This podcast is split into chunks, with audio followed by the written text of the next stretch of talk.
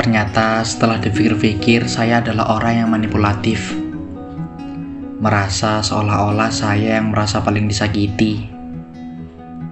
Bahkan dengan mudahnya saya membolak-balikkan fakta, memanipulasi kebenaran dengan skenario yang tidak sesuai realita.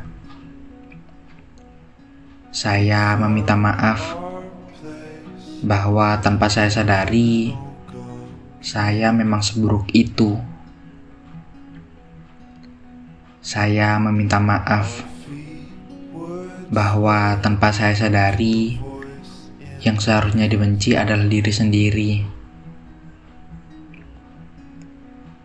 Saya meminta maaf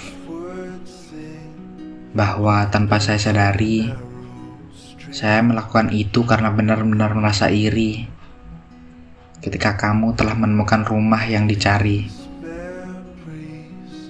Terima kasih. Saya tidak pernah menyesal, sebab dengan kamu saya telah banyak berubah.